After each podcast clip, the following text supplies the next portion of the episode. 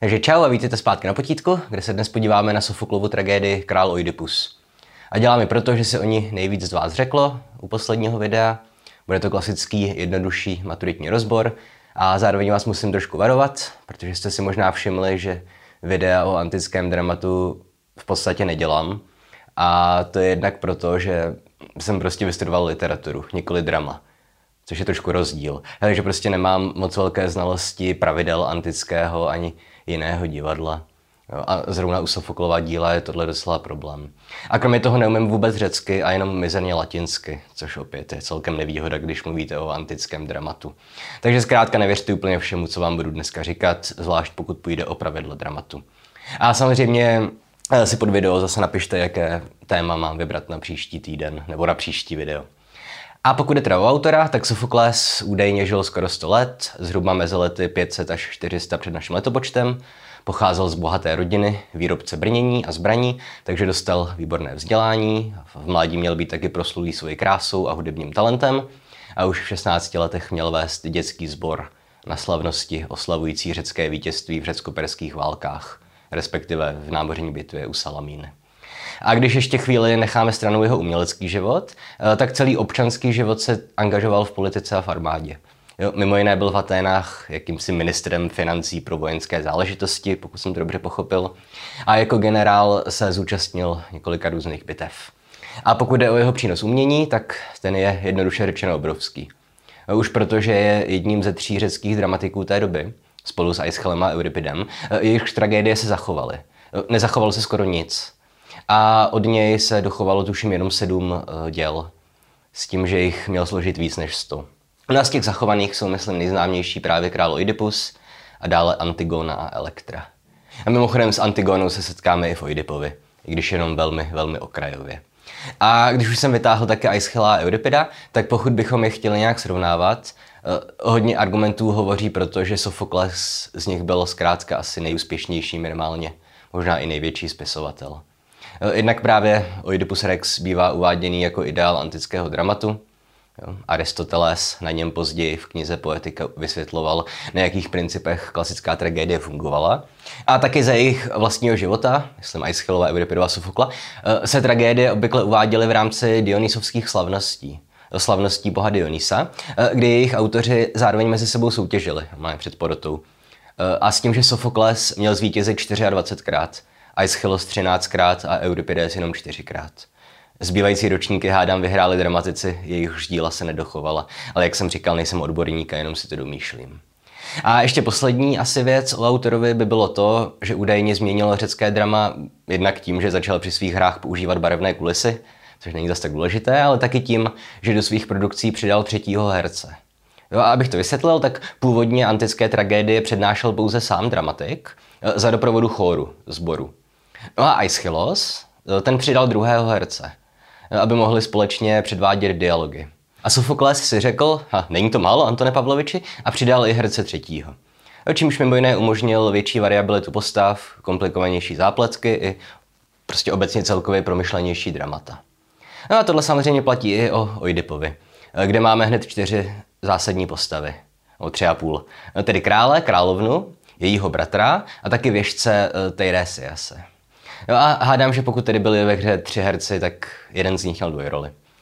A s tímhle faktem, že antičtí autoři uh, užívali jen velice limitované množství herců, souvisí i další, no ne problém, ale pravidlo antického dramatu, a ten problém si už ukážeme přímo na hře Král Oidipus. Jo, a jde o to, že v typické antické tragédii uh, sledujeme krátký úsek ze života nějaké významné postavy řeckých mýtů. A všichni nejspíš znáte z různých adaptací příběhy hrdinu jo, jako byly Herkules, Achilles, Jason, Agamemnon, Orpheus nebo právě Oidipus. Nicméně v samotných dramatech skoro nikdy nesledujeme ty nejvíce akční scény jo, z jejich životů. Od toho byly eposy. Nesledujeme, jak poráží nějaké mytické monstrum nebo jak vítězí v bitvách. Daleko častěji se spíš díváme na krátké úseky, obvykle z konce jejich životu z konce, jsou to tragédie. A s tím, že tehdejší publikum zkrátka většinou vědělo, co událostem uvedeným na jevišti předcházelo. Případně jim to před začátkem hry schrnul chor.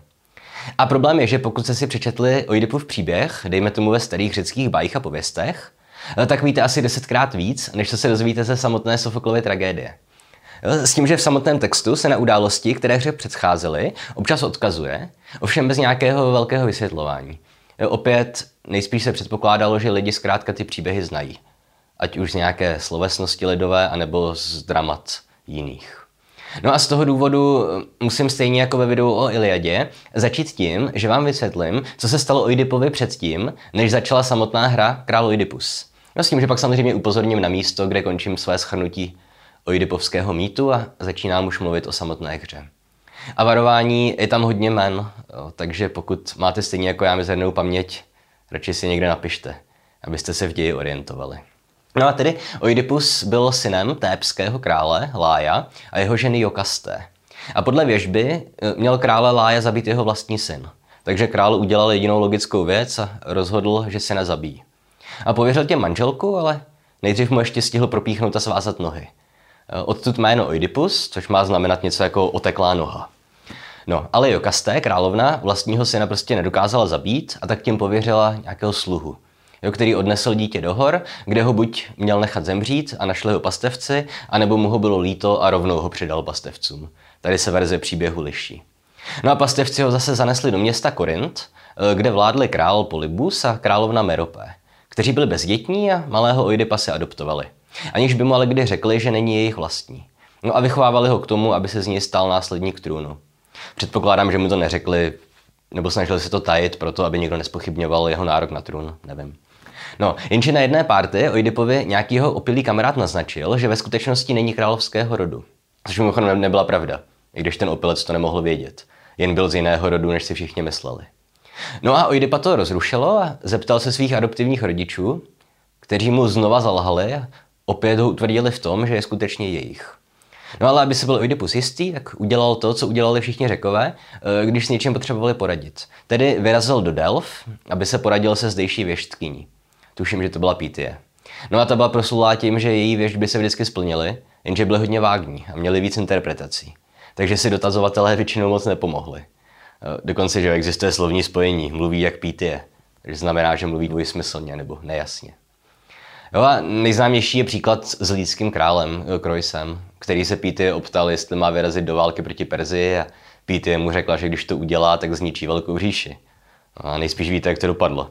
Pochopil to tak, že velkou říši je zmíněná Perzie, jenže prohrál a přivodil tím zánik vlastní velké říše. No. Každopádně Apollonova věškyně v Delfách e, úspěšně odignoruje Oidipovu otázku, kdo jsou jeho rodiče a místo toho mu předpoví, že zabije otce a vyspí se s matkou. Za rohem už se usmívá Sigmund Freud. No a Oidipus se rozhodne, eh, že se do Korintu už nikdy nevrátí, aby se vyhnul naplnění proroctví a namísto toho se vydá na cesty po Řecku.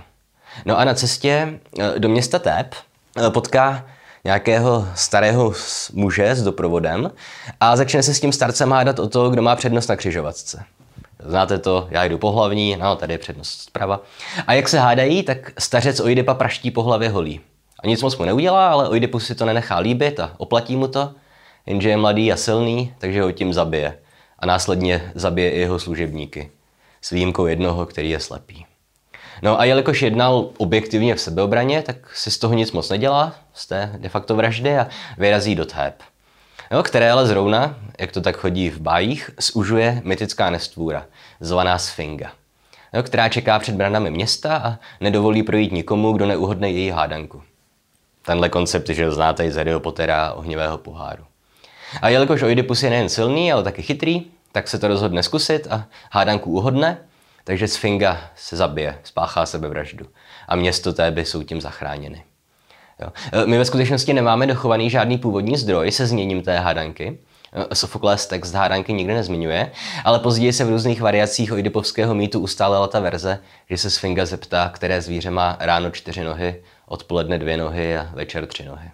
No, to je moc pěkná hádanka, protože hodně pracuje s metaforou. S tím, že správná odpověď je samozřejmě člověk. Jo, nebo když jsme děti, jakož by ráno našeho života lezeme po čtyřech, v dospělosti odpoledne chodíme normálně po dvou a ve stáří, tedy večer či na podzim života, se potřebujeme podpírat hůlkou, takže máme tři nohy. No, ale ať zněla ta hádanka jakkoliv, tak Oidipus porazí Sfingu, vejde do tép a tam se prohlásí za krále. A to je proto, že krátce před příchodem Sfingy Téby ztratili krále, Lája, kterého měli na služební cestě zabít lupiči. A jeho místo zastával dočasně bratr královny, Kreon, eh, který byl ale spíš jen takový správce. Eh, neměl skutečný nárok na trůn, takže trůn bez, nějakých, bez nějakého odmlouvání předal zachránci Tép a navrch mu dal za manželku svou sestru, Jokastu, vdovu po králi Lájovi. Jak říkám, jména se radši pište. No a Oidipus měl s královnou Jokastou čtyři děti, dvě dcery a dva syny. Jedna z dcer byla Antigona. A několik let vládnul spokojeně jako spravedlivý král. A v tuhle chvíli konečně začíná děj Sofoklovy hry Král Oidipus. No. Takže, jak jsem říkal, hrdinské skutky už má Oidipus odbité. Sfinga už dávno hně v propasti u Tébské brány a my budeme sledovat hlavně rozhovory mezi postavami. Žádnou velkou akci. A zároveň mějte na paměti, že antická dramata dodržovala ty tři takzvané jednoty, že jednotu místa, času a děje, e, což znamená, že se má odehrávat ve stejný čas, nesmí tam být žádné, že jo, o 17 let později. No, takže pokud se v průběhu krále Oidipa dozvídáme o Oidipově minulosti, vždycky to je jenom v rámci vzpomínek v rozhovorech. Jo? Se nevracíme nikde v čase nebo tak. E, dále je tam jednota místa, takže celou dobu zůstáváme v Tébách. A opět, jedna postava tam třeba cestuje do Delf, aby konzultovala zdejší věštkyni. Opět jenom nám pak o své cestě bude vyprávět v Tébách. Na scéně tu cestu neuvidíme. No a sledujeme pouze jednu dějovou linii, jo. není nějak rozvětvená. Tam jenom jedna zápletka zásadní. A jaká je tedy ta zápletka? No, a ještě vám mimochodem radši zopakuju jména. Tedy Oidipova manželka a královna a matka zároveň je Jokasta, nebo Jokasté. Její zabitý manžel byl král Hlaius a její bratr je Kreon. No, to je ten bývalý správce Tép. A v úvodní scéně se teda dozvídáme, že ty Téby zužuje mor. A král Oidipus pošle svého švagra, právě Kreonta, do věštírny, eh, aby zjistil, jak se mají moru zbavit, jak mají usmířit bohy. A delfské orákulum tentokrát odpoví nečekaně jasně a řekne, že aby zlomili hněv bohu a zbavili se moru, musí Tébané najít a potrestat vraha bývalého krále, vraha krále Láje. A Oidipus s tím samozřejmě nemá problém, říká, že to je samozřejmě správné, a že je to i dobře pro něj, protože když ten vrah zabil jednoho krále, mohl by zabít i jeho. A v tuhle chvíli začíná zřejmě první dochovaný detektivní příběh evropské provenience, no, kdy se detektiv Oidipus rozhodne vypátrat vraha bývalého manžela své ženy. A všimněte si toho krásného paradoxu. E, totiž, že první detektivní příběh v evropských dějinách porušuje jedno ze základních pravidel detektivního žánru, tedy že vrahem nesmí být sám detektiv protože Oidipus to ještě neví, ale vám už to došlo, že se naplnila obě proroctví. Jak to, že krále Lája zabije vlastní syn, tak i to, že Oidipus zabije vlastního krále a bude žít v incestu s vlastní matkou. Teda ne, že zabije vlastního krále, že zabije vlastního otce, jsem se přeřekl. A zároveň to je výborná detektivka i v tom smyslu, že detektiv tedy vyšetřuje vlastní vraždu, ale aniž by to tušil. Není to jako, že by, že by on věděl, že je vrah a jenom předstíral, že vyšetřuje, takové případy taky známe. Jo? On prostě stále ještě žije v domění, že jeho rodiče, Porybus a Meropé, eh, si spokojeně žijí a vládnou v Korintu. Nebo takhle, oni si skutečně žijí a vládnou v Korintu, akorát to nejsou jeho rodiče, což on neví. Každopádně Oidipus veřejně prokleje vraha starého krále a nechá vyhlásit, že pokud ten vrah přizná, že ušetří jeho život a pouze ho vykáže z města, pošle ho do exilu. To si pamatujte, to ještě bude důležité. No, jenomže mytičtí detektivové neměli k dispozici analýzu DNA ani otisky prstu, takže se rozhodne detektiv Oidipus vyřešit vraždu tím, že nechá povolat svého věžce, Tyresia, a požádá ho, aby odhalil identitu vraha. A po kratším přemlouvání mu Tyresius řekne, že vrahem je sám Oidipus. A ten tomu samozřejmě nevěří, no, protože ví, že nikdy nikoho nezabil, kromě toho protivného děcka na křižovatce, ale to přece nebyl žádný král, že jo? A tak obviní věžce z toho, že se na něj domluvil se švagrem, Kreontem. Dobře, opět, pokud jste ještě nestratili nic a nestratili se se ve jménech, tak Kreon předtím vládl Tébam.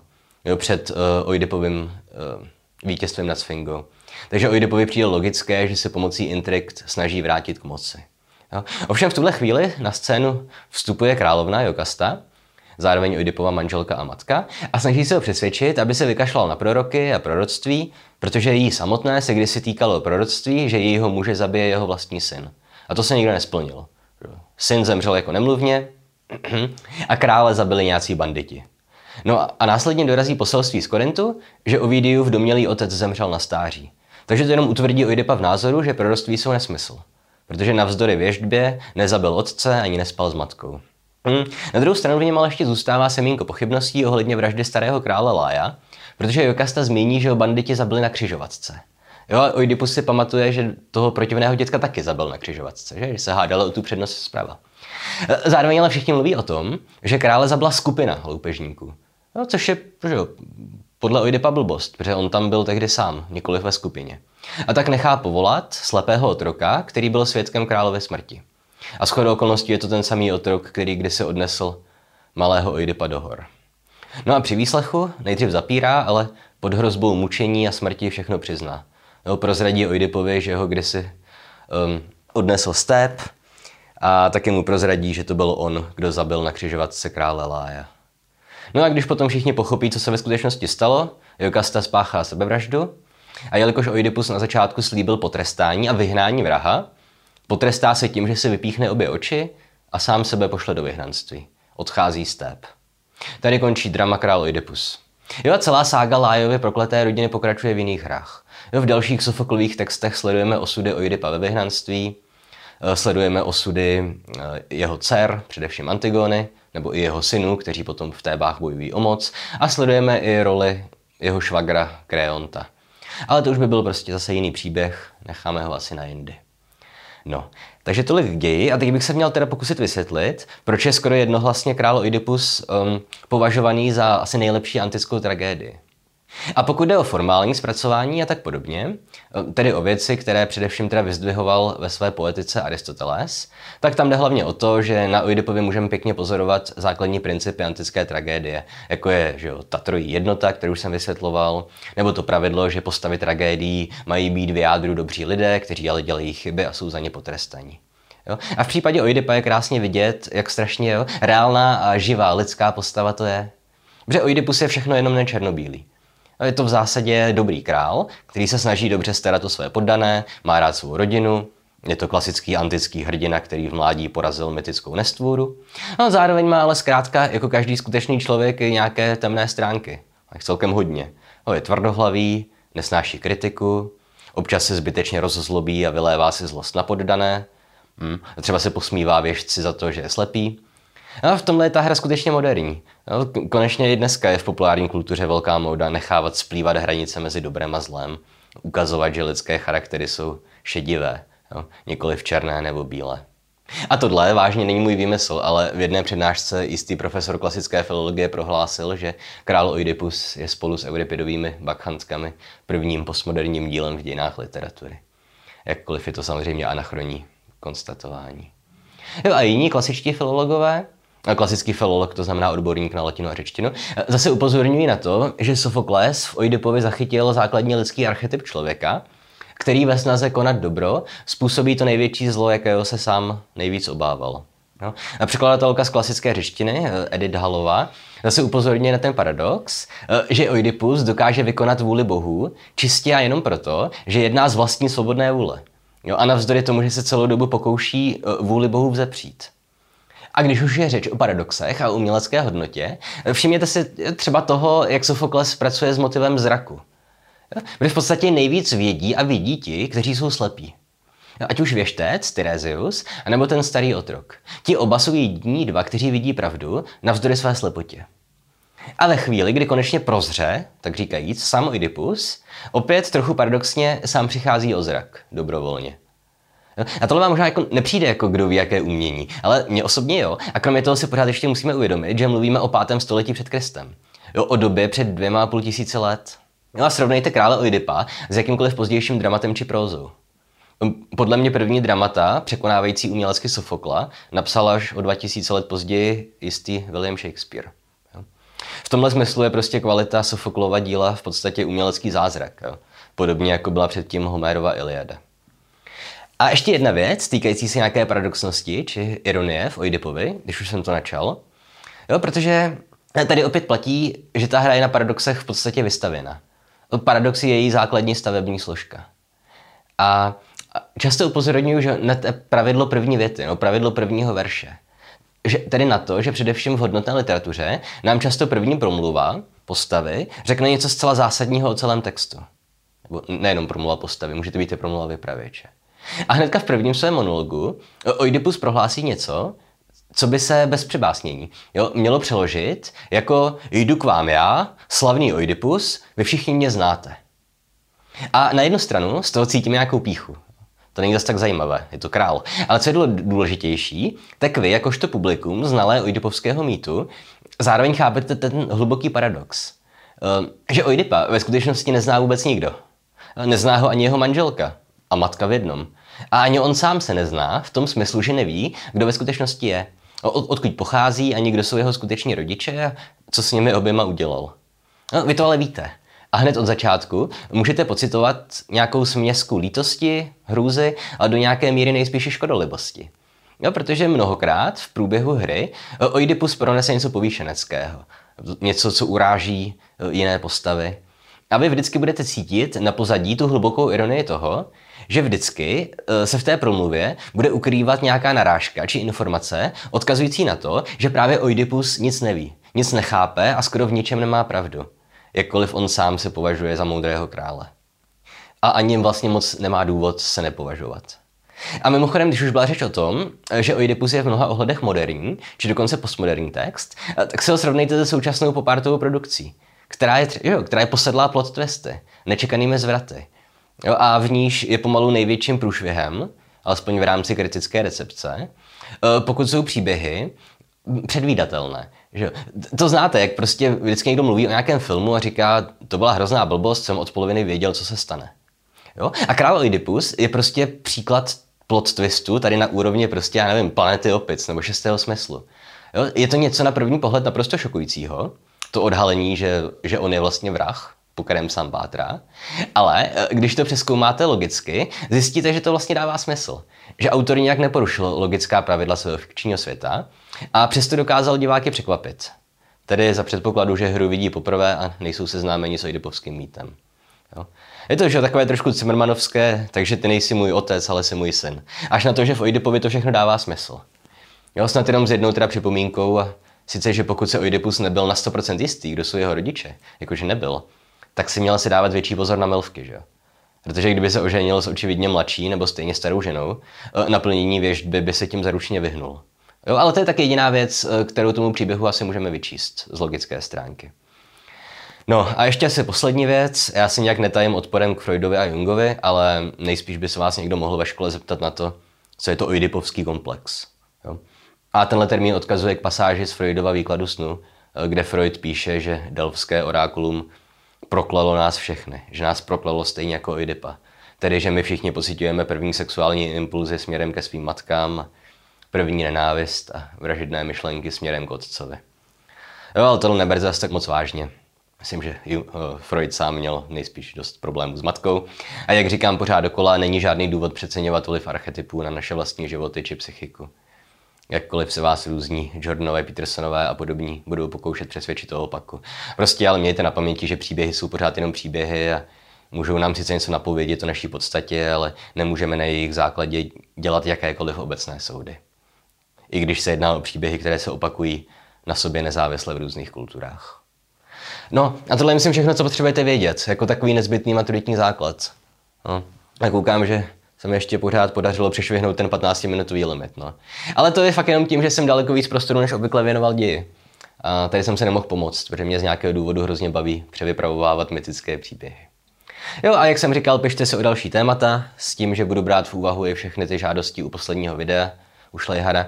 A samozřejmě pokud byste chtěli, abych oživil formát maturity na nečisto, dejte vědět a připravíme to. A když taky budu vidět, že je teďka o videa kvůli maturitám fakt velký zájem, máme dvě možnosti, co můžeme udělat. Buď to můžeme vydávat dvě videa týdně, s tím, že jedno z nich by nejspíš bylo udělané jenom ve Twitchovém overlayi na webkameru a bylo by bez střihu, a tedy v horší obrazové kvalitě taky. Protože Dan prostě nestíhá stříhat dvě videa týdně, nejenom stříhat, ale zdobit obrazovým doprovodem, že? A druhá možnost by byla, že bychom udělali jeden, dva streamy. Taky už jsme to jednou udělali. No, kdybyste si prostě do chatu házeli knížky a já bych ke každé z nich ve dvou, třech minutách schrnul nějaký nezbytný základ plus jednu, dvě zajímavosti, kterými byste mohli vystřelit maturitní komisi na měsíc. Cokoliv. A nám ve škole skončily zápočty, takže budu mít v příštích týdnech relativně hodně volného času. Můžu ho využít na potítku. A jinak to znáte, jestli se vám video líbilo nebo jste se něco naučili, dejte like, odběr, sdílejte a komentujte, najdete nás taky na Facebooku a Instagramu, úterý a čtvrtky streamuju od půl sedmé na Twitchi videohry, ale tam ode mě žádné velké výklady o knihách nečekejte, protože neumím multitasking a nedokážu zároveň hrát a zároveň nějak srozumitelně učit. A pokud nás chcete v naší těžké práci nějak podpořit, buď si můžete koupit náš merch, bloky, hrnky, trička s mravenečníkem, odkaz pod videem, nebo si můžete stát našimi patrony na Patreonu a dostat za to přístup do Discordu k nějakým bonusovým epizodám plus nějaké další menší výhody. Takže to je všechno. Snad jsem na nic nezapomněl, doufám, že jsem neřekl moc blbostí o antické tragédii a uvidíme se příští týden nebo někdy. Čus.